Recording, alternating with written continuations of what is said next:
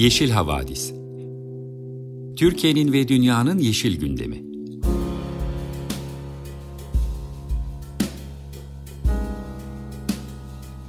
Hazırlayan ve sunanlar Demet Yaman Er, Savaş Çömlek, Dilan Altın Makas, Sare Abit ve Tansu Yeşilkır.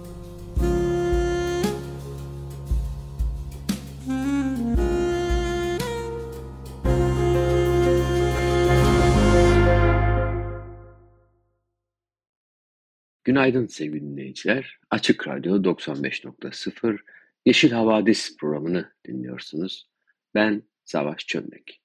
Bildiğiniz gibi bu programda Yeşil Gazete'nin gözünden haftanın ekoloji ve iklim gündemini değerlendirip gündemin önemli başlıklarından söz ediyoruz. Sizler için de bir söyleşi hazırlıyoruz. Bu hafta haber turumuzu sevgili arkadaşımız Dilan Altın Makas sizler için hazırlayacak. Söyleş köşemizde de geçen hafta olduğu gibi bu hafta da bir psikiyatrist, psikanalist konuğumuz var. Aziz Arıcı'yla yine birlikteyiz. Bu hafta dinlemeyi konuşacağız. Dinlemekle ilgili yanılgıları, ilişkilerde dinlemenin önemini ve kendimizi dinlemeyi tabii ki. Bu haftanın en önemli gündemlerinden bir tanesi Yeşil Gazete'den alıntılayarak sizlerle paylaşmak istiyorum. Uluslararası Adalet Divanı'nın kararıydı. Uluslararası Adalet Divanı tarihi bir karar verdi. Bu cuma günü İsrail'in soykırımla yargılanacağını ilan etti. Biz tabii ki son aylarda Gazze'de olup bitenlere Batı'nın sessizliği, göçmenlikle ilgili yaşanan olaylar, Batı'da otoriter rejimlerin gittikçe güçlenmesi, politikanın gittikçe sağa kayması nedeniyle Avrupa uygarlığının yok oluşundan konuşmaya başlamıştık. Demek ki her şey o kadar da kolay yok olmuyor diyerek ümitlerimizi tazeleyen bu kararla ilgili Yeşil Gazete'nin sizler için hazırladığı haberi paylaşmak istiyorum.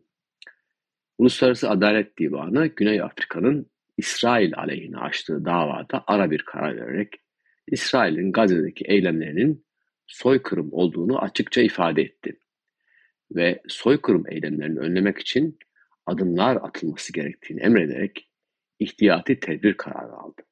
Ancak mahkeme ateşkes emri vermedi.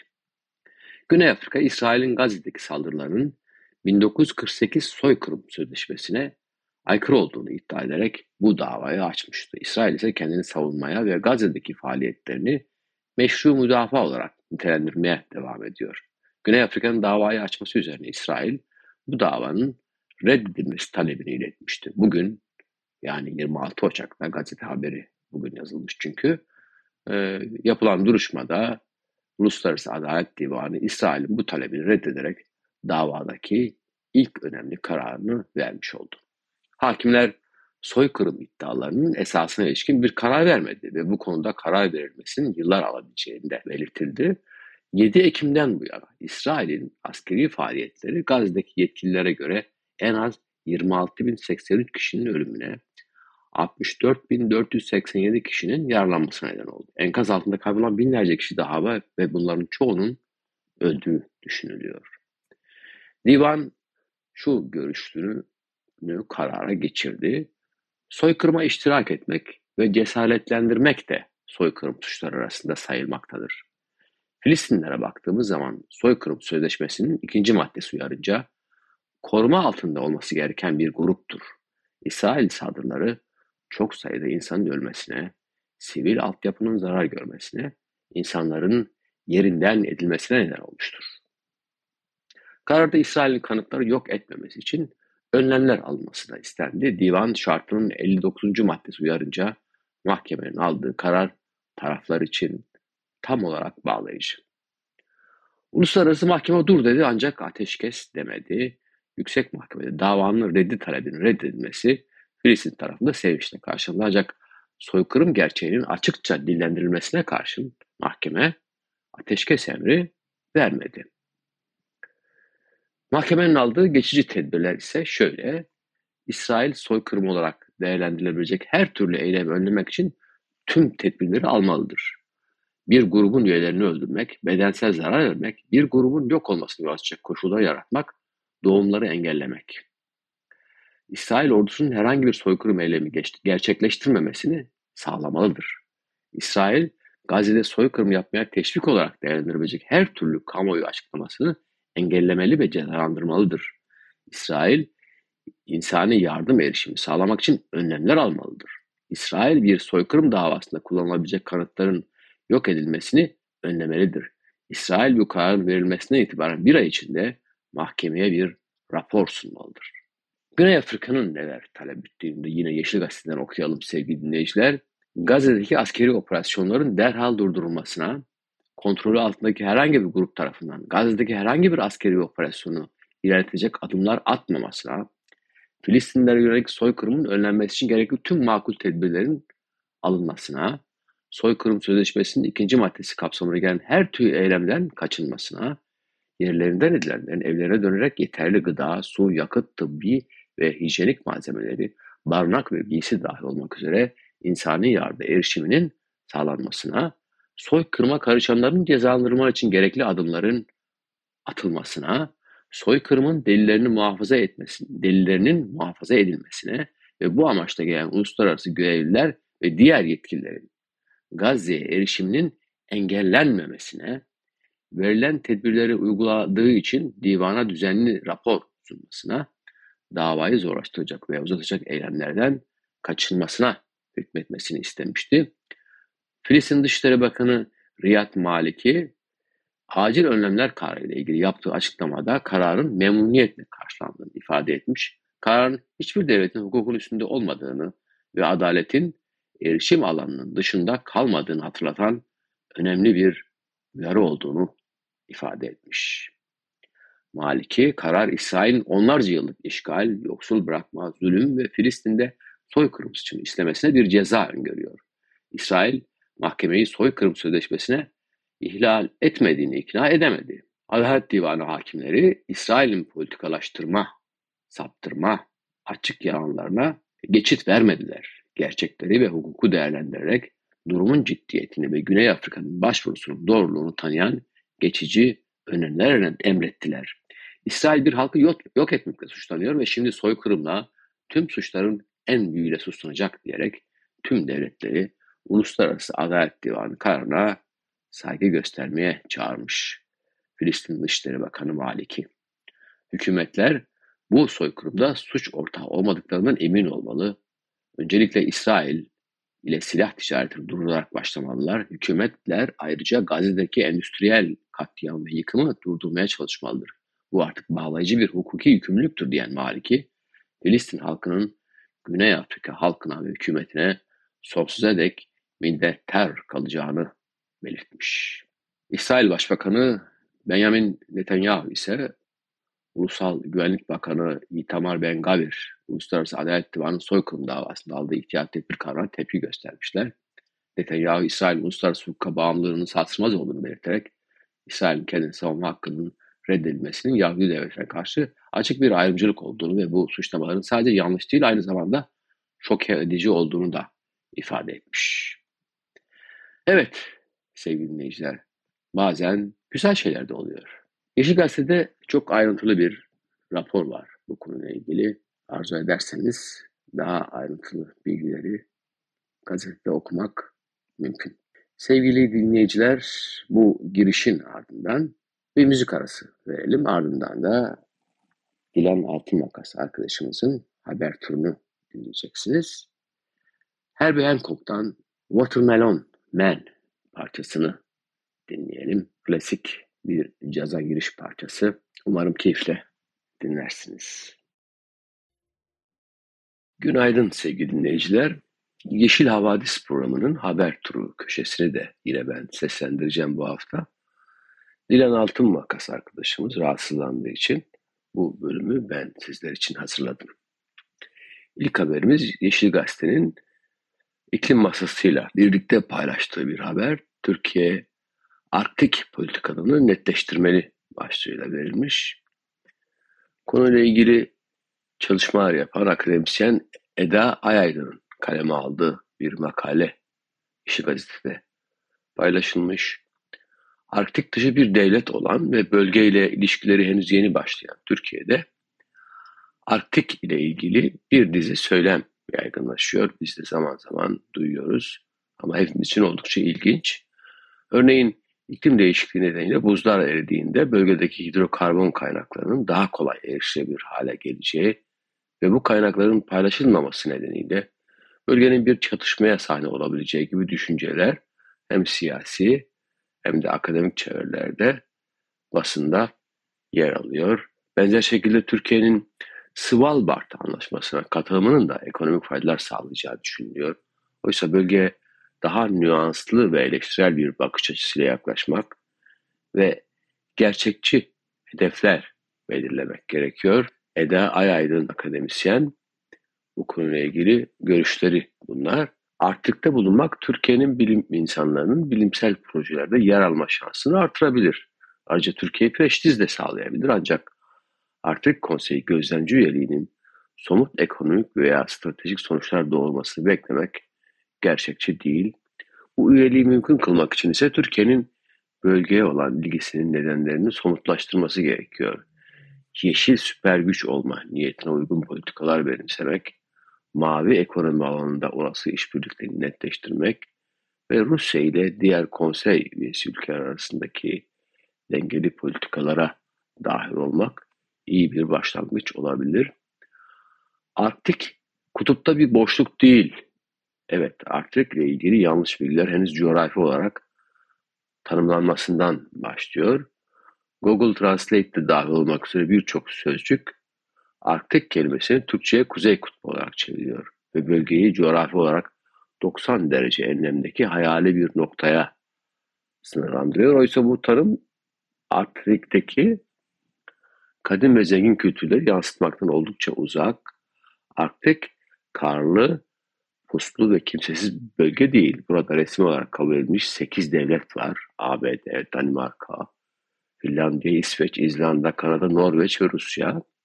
Resmi kabule göre Finlandiya'nın Rovaniemi kentinde yaşayan biri de Arktik ülkesi vatandaşı, Kaliforniya'da yaşayan biri de dolayısıyla Arktik'i Kuzey Kutbu olarak tanımlamak coğrafi ve hukuki ya da politik olarak tutarlı değil. Evet sevgili dinleyiciler, Yeşil Gazete'nin bir sonraki haberini sizlerle paylaşalım. Bunlardan bazıları sevindirici, bazıları da tabii ki endişelendirici haberler. Bunlardan bir tanesi sevindirici bir haber olarak sizlerle paylaşalım. Toplu ölümler görülen pinalardan iyi haber var başlığıyla verilmiş. Akdeniz ve Ege'de yavru pinalar tespit edildi. Haber başlığı. Bandırma 17 Eylül Üniversitesi Denizcilik Fakültesi öğretim üyesi Profesör Doktor Mustafa Sarı 2016-2019 yıllarında görülen toplu pina ölümlerinin ardından yapılan son araştırmalarda Akdeniz ve Ege'de canlı yavru pinalar tespit edildiğini açıkladı. Sadık dinleyicilerimizin tanımsayacağı gibi Yeşil Gazete okullarında gayet iyi bileceği gibi pinalarla ilgili daha önce hem gazetede hem Yeşil Havadis programında endişe verici haberler paylaşmıştık. Pina Akdeniz'e endemik bir kabuklu e, midye türü. Ortalama yaşam süreleri 50 yıl olan ve boyları 120 santimetreye kadar çıkabilen pinalar saatte 6, 6 litre deniz suyunu temizleme özellikleri sayesinde deniz ekosisteminin doğal filtresi olarak nitelendiriliyor.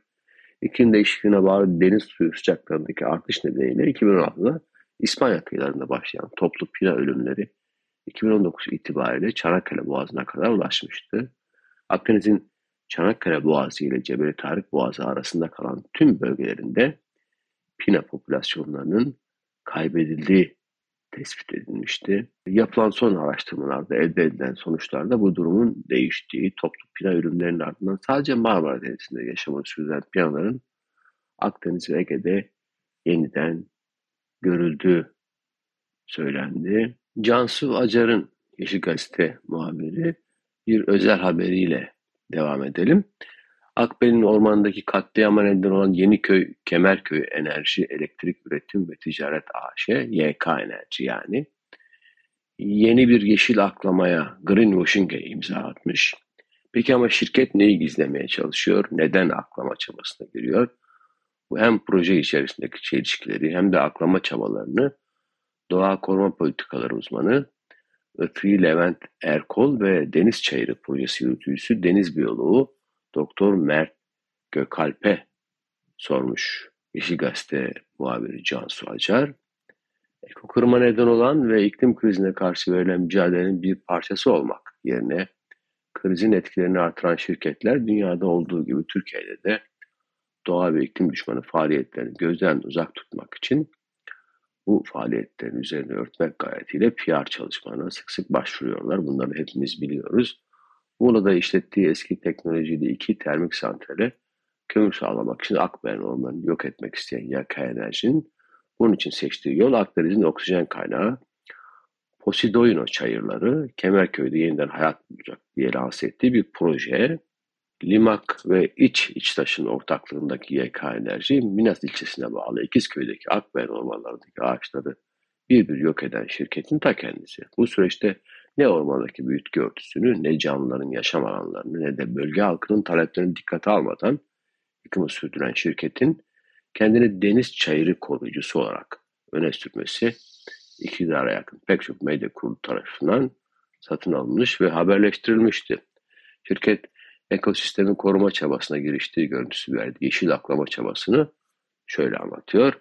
Deniz ekosisteminin kritik canlılarından ve Posidoino çayırlarının yayılımını artırmak amacıyla Tarım ve Orman Bakanlığı, Muğla İl Tarım Müdürlüğü ve YK Enerji işbirliğinde Doğu Akdeniz Üniversitesi danışmanlığı özel bir proje başlattı. Akdeniz'de önemli bir karbon yutak alanı ve su altı canlıların oksijen kaynağı olan Posidoina çayırlarının sayısını artırmayı hedefleyen proje YK Enerji'ye ait Kemerköy sahasında hayata geçirilecek. 3 yıl sürecek proje tamamlandığında yaklaşık 285 futbol sahası büyüklüğünde 200 hektarlık bir alanda Posidoina çayırları çoğaltılıp koruma altına alınacak.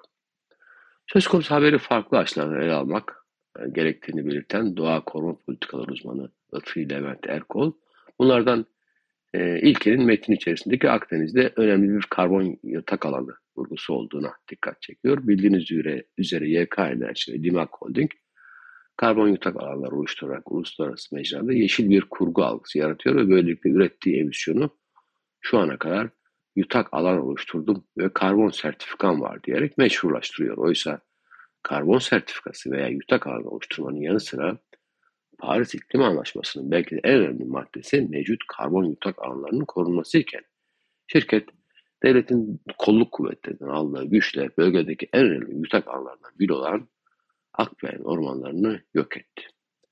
Doktor Mert Gökalp de bir takım şeyleri gördüğü zaman detaylar hiç incelemeden, bakmadan bile hemen bir greenwashing, yeşil yıkama olduğuna insan anlıyor. Ama detaylara girdiğimiz zaman bir takım büyük sorunlar ortaya çıkıyor diye başlıyor. Şirket projenin Kemerköy sahasında hayata geçirildiğini aktarmış. Bu santrallerin oldukça karanlık bir geçmişi bulunuyor. Doktor Gökalp bu geçmişle ilgili şunları sıralıyor. Daha önce YK Enerji'nin Yeniköy ve Kemerköy termik santrallerinin Yatağan ve Ören'deki termik santrallerin geçmişini hepimiz biliyoruz. Halka rağmen insanlar istemeden tepeden indirme hükümet tarafından çeşitli insanları zengin etmek için sanki bizim bu enerjiye ihtiyacımız varmış gibi başka çare yokmuş gibi santrallerin kurulduğunu ve ekosistemin, doğanın zarar gördüğünü, köylerin gerilerinden boşaltılmak zorunda kaldığını, suların ve havanın kirletildiğini, yatağının Türkiye'nin en zehirli, en çok kanser vakalarının, hastalıkların görüldüğü yerlerden biri haline geldiğini, Akbelen'deki ormanların ve diğer ormanların kesildiğini, yani bu kömür sağlamak için veya işte farklı madenler sağlamak için e, veya suyu temizlemek için veya külleri yok etmek için ekokıyımlar yapıldığını biliyoruz. Şimdi tüm bunlar içerisinde yeni bir harika eklenmiş oldu. Yaratıcılıkla sınır tanımıyorlar. Evet sevgili dinleyiciler, yeşil yıkama haberinin, greenwashing haberinin ardından sizlere bugünkü haber turumuzu sonlandırmayı öneriyorum. Bir Herbie Hancock parçasıyla bu bölümü bitirelim. Ardından da söyleşi köşemiz başlayacak. Günaydın sevgili dinleyiciler. Açık Radyo 95.0 Yeşil Havadis programını dinliyorsunuz. Bugünkü program konuğumuz geçen hafta olduğu gibi bir psikiyatrist, psikiyatrist ve psikoterapist arkadaşımız Aziz Arıcı. Aziz programımıza hoş geldin. Merhaba Savaş, herkese de merhabalar. Günaydın orada. Aziz, geçen hafta ilk programımızı yaptık. Sence e, evet. beğendin mi? Nasıl buldun? Devam edecek miyiz? Ne dersin? Valla işte gördüğün gibi heyecanlıyım ve hemen ikinciyi yapmaya istekli oldum. Bu radyoculuk heyecanı beni de sardı valla. Zaten geçen hafta programdan hemen sonra muhtemelen programı kendin dinledin ya da belki arkadaşlar dinledi. Hemen bana mesaj attın ve dedin ki dinleme üzerine konuşalım bir sonraki programda. Hı hı. Dinleme deyince tabii insanın aklına bir sürü şey geliyor. Dinlemek. Ben dinlemekle ilgili tabii bir takım suçluluklarım var. Hep yanlış duyduğum şeyleri anımsıyorum. Ee, geçmişte. Ee, başka bir şey söylemişler bana. Ben başka bir şey anlamışım. Zaten edebiyat ve filmler ve bu dizi filmler işte de çoğu bunların üstüne kurulu değil mi zaten? Yanlış anlamalar üstüne kurulu. Dinlemek bazen görmek de yanılgı yaratıyor ama dinlemenin de yanılgı yarattığını biliyoruz. Biz dinlemenin yanılgı yarattığıyla ilgili de çok fazla konuşmuyoruz aslına bakılırsa. Bir de genel olarak bizim toplumumuzda güzel belagat, güzel söz söylemek, güzel konuşmak övülürken hiç dinlemek övülmez. Gerçi Aha. bir söz var. Söz sükut ise dinlemek altındır. Gerçi Aha. belli bir olgunluğa erişmiş muhtemelen e, bilgilerin, eskilerin söylediği bir cümle bu. Dinlemenin kıymetine ilişkin söylenen bir şey tabii ki. O kadar da boş bir alan değil aslında. Bir de biliyorsun e, buradaki seslerimiz sonsuza kadar kalacak. Hı hı.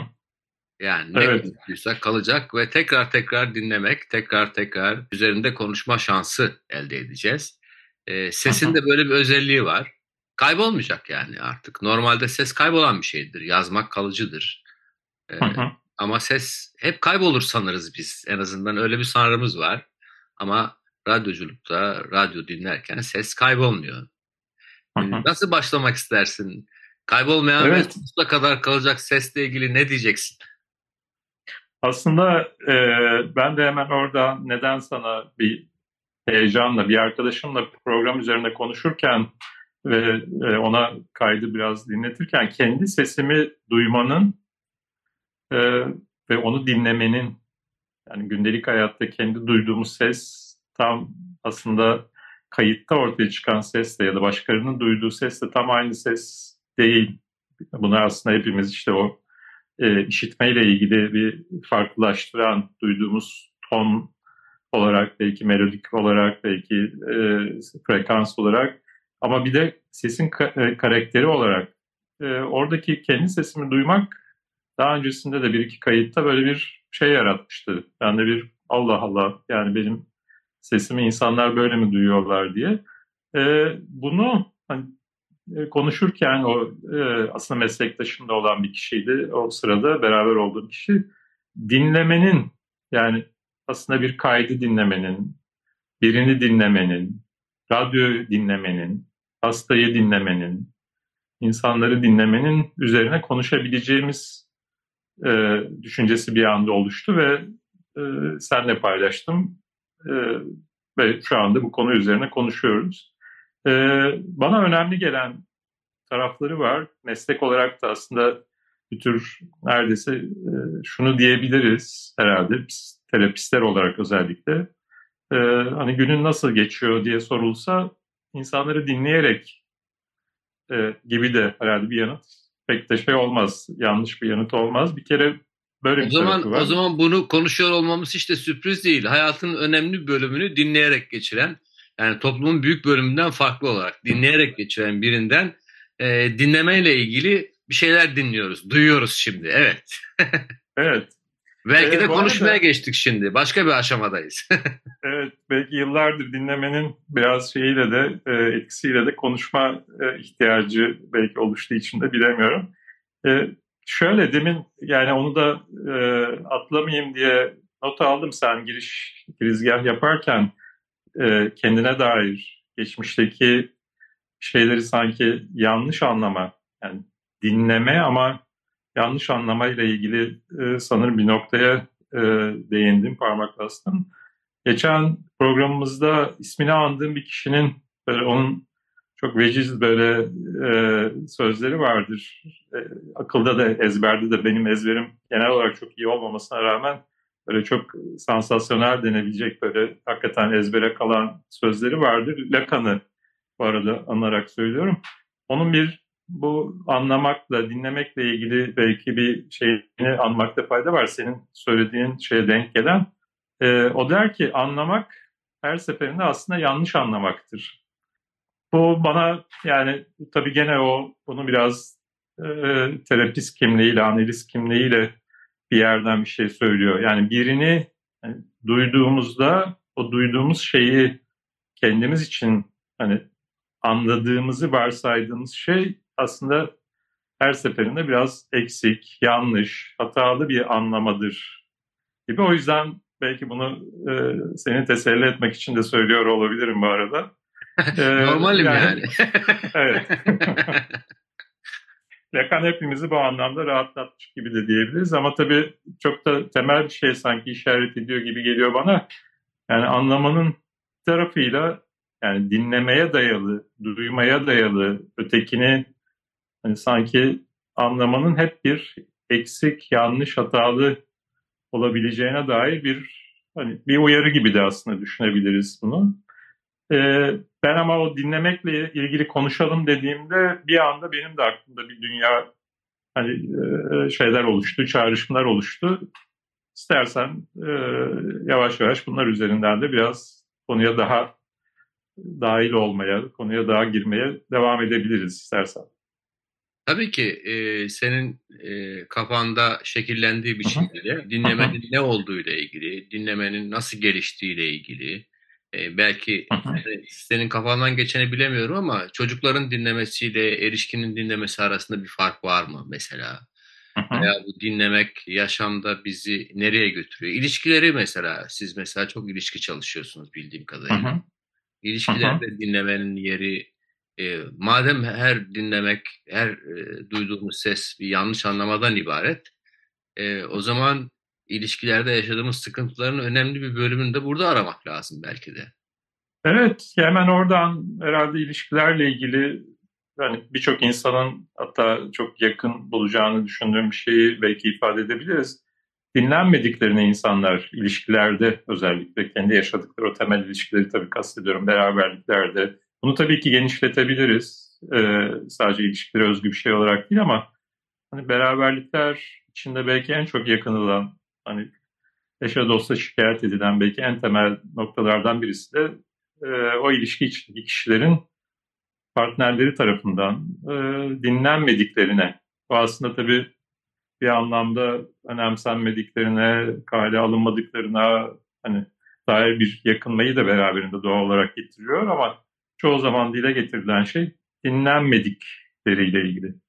E, demin hani çocuklar, ben orada aslında belki şöyle de bir nokta, geçen haftaya gene bir bağlantı kurarak söylersek travmadan çok kısa bir e, biçimde bahsetmiştik travmaların ya da travmatize edici durumların neler olduğuna dair.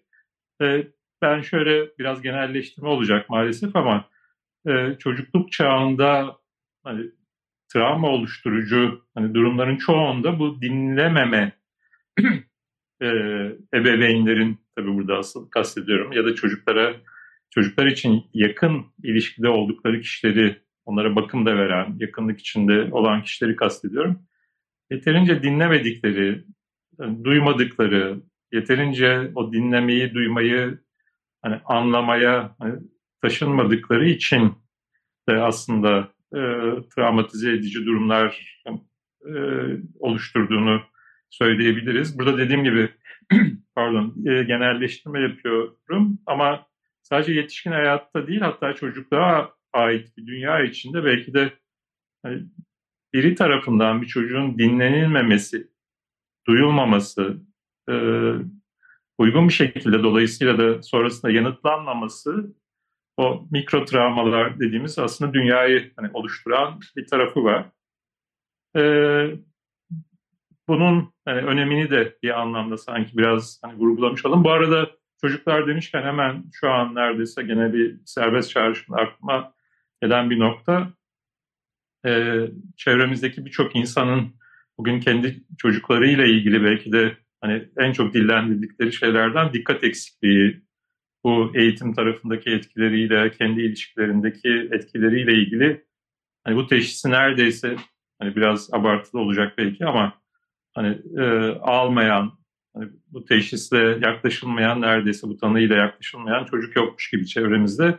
Aslında orada da hani belki şöyle diyebiliriz yani bir tür e, hani dinleyemeyen hani çocuklar ama çok kuvvetle muhtemel aslında yeterince de dinlenmemiş, e, dinlenilmemiş, hani duyulmamış, dolayısıyla anlaşılmamış, uygun bir şekilde yanıtlanan, yanıtlar almamış e, kişiler gibi de düşünebiliriz. O hiperaktivite teşhisi konmuş çocuklara, gençlere, hatta belki e, büyüyen insanlara dinlemeyi dikkat edersen e, e, bayağı bir yere doğru böyle çekip götürebiliriz gibi. Belki de sen söyleyince çağrışım yaptı. Dinlemek, e, dinlenilmek belki de bir tür sevme biçimi. Bir tür hissetme biçimi belki de. Hani sözlerin geliş şeklinden öyle anlıyoruz çünkü. Senin anlattıklarından da öyle anlıyoruz. Ee, belki o ilk temas, ilk temaslar, ilk sevgi deneyimleri belki onunla oluyor. Mesela belli bir yaşta hakikaten takıntılı bir şekilde soru sormaları vardır. Sürekli sorarlar. Ardı ardına sorarlar. O neydi, bu neydi, o neydi, bu neydi, o öyle mi oldu, bu böyle mi oldu? Herhalde bu küçük yaştaki özellikle 3 yaş civarında hı hı. Tekrarlayan sorular ve sürekli yanıt almalar herhalde e, bir tür e, sevilme, temas etme e, ihtiyacını da belki dolduruyor, belki yerine geçiyor olabilir mi acaba? Yoksa ben e, gene evet. uçtum mu? ee, kısmen evet yani söylediğin de mutlaka payı olsa gerek. Yani o ısrarlı hani sorular. Bu arada tabii e, o çoğu durumda o ısrarla hani çocuk ve işte diyelim ki anne baba arasında yaşanan o diyaloglarda muhtemelen bir gerginleşen, anne babanın işte sanki sabırsızlanmasına sebep olan, arkasından belki biraz dolayısıyla o diyaloğun koptuğu, e, yani o çok tipik denebilecek o sahnelerin belki birçok kereler yaşandığı. E, bazen e, senin sanırım işaret etmek istediğin orada duyulmak, hani çocuğun hani o yetişkinlerin dikkatini çekebilmesi, e, dikkatini üzerinde tutabilmesi, belki de o o anlık hani ihtiyaç duyduğu bir yanıtı hani, alabilmesi, tüm bunlar etrafında belki bir e, şekillenen şeyler de olabilir, durumlar da olabilir. E, yani ama orada benim demin travmatize edici dediğim çocuklar ve kendi yakın çevresindeki yetişkinler bunun gerçekten biraz daha şey bir boyutu. Yani sanki fark edilmemesi, dinlemeyi biraz da anlamak, fark etmek, hani bir durumun hani sanki gerçekten varlığını hissetmek, karşı tarafta ne olup ne bittiğini e, daha açık e, bir hale kendimizi getirmek öteki için e, bu haliyle aslında tabii hani ideal bir durumdan sanki söz ediyormuşuz gibi de hani anlaşılabilir. Bu böyle en ideal haliyle sanki e, kendimizi ötekine, öteki kişiye yani e, duymak, anlamak, hani hissetmek açısından e, dikkat, bütün dikkatimizi açmak, vermek diyebileceğimiz bir şey. Burada belki dinlemekle ilgili bir noktaya daha e, değinmekte fayda var. E, şu anda da olduğu gibi konuşmak aslında sanki çoğumuzda böyle bir aktif bir eylem de, diyebileceğimiz. Yani bir tür sanki söyleyen kişi olmak, ifade eden kişi olmak, anlatan kişi olmak, dinlemek aslında e, doğal olarak bunun karşılığında daha edilgin, zorluğu da biraz oradan gelen, daha edilginleşme halinde kalabilme, bu, e, sağlıklı bir anlamda aslında pasifleştirebilme kendimizi, e, ötekine kendimizi açabilmek, duyabilmek bunlar e, sağlıklı diyorum çünkü edilginliği de etkinliği de bu anlamda belki biraz kategorize ederek hani sağlıklılık hani boyutuna ekleyebiliriz. Buradaki edilginleşme dinleme halinde oluşumuz e, aslında bir tür edilginliğe kendimizi bırakabilmek, teslim edebilmek diyebiliriz belki. Hemen biraz önce tam hatırlayamadığımız sözün e, söz çağrıştı bende de. Söz gümüş ise sükut altındır. Sükut altındır, evet. Söyleyemediğimiz bir Doğru. türlü dilimize gelmeyen cümle buydu. Tabii bir taraftan hep yani başka birilerinin varlığını e, mutlaka zorunluymuş gibi geliyor. Dinlemek deyince aklımıza başka birisi konuşuyor, ses çıkartıyor ve biz de onu dinliyoruz veya başka bir canlı, başka bir doğayı dinliyoruz. Ama aslında işim çok daha başka, çok daha özel bir bölümü daha var. Kendimizi dinlemek. Ee, çok haklısın. Yani evet. belki de e, en az becerebildiğimiz çok, çok şey, önemli hakikaten. Çok daha e, konuşulması gereken şeylerden bir tanesi de bu. Çünkü kendimizi dinlemek belki de belki de birçok şeyi keşfetmek anlamında çok Hı-hı. daha kıymetli Hı-hı. belki de. Hı-hı. Ee, belki biraz ondan söz etmek istersin. Ee, gerçekten belki dinleyicilerimiz şey diyebilir bizim program öncesinde bir ön hazırlık yapıp böyle e, birbirimizden hani, e, haberdar olacağımız konuşacaklarımızı hakikaten öyle değil. E, bu arada e, bunu da açıklamış olayım. E, benim bu konu üzerine düşünürken belki e, bir taraftan ya bunu da konuşsak hani atlamasak dediğim şeylerden birisi de tam bu gerçekten söylediğin kendimizi dinlemek.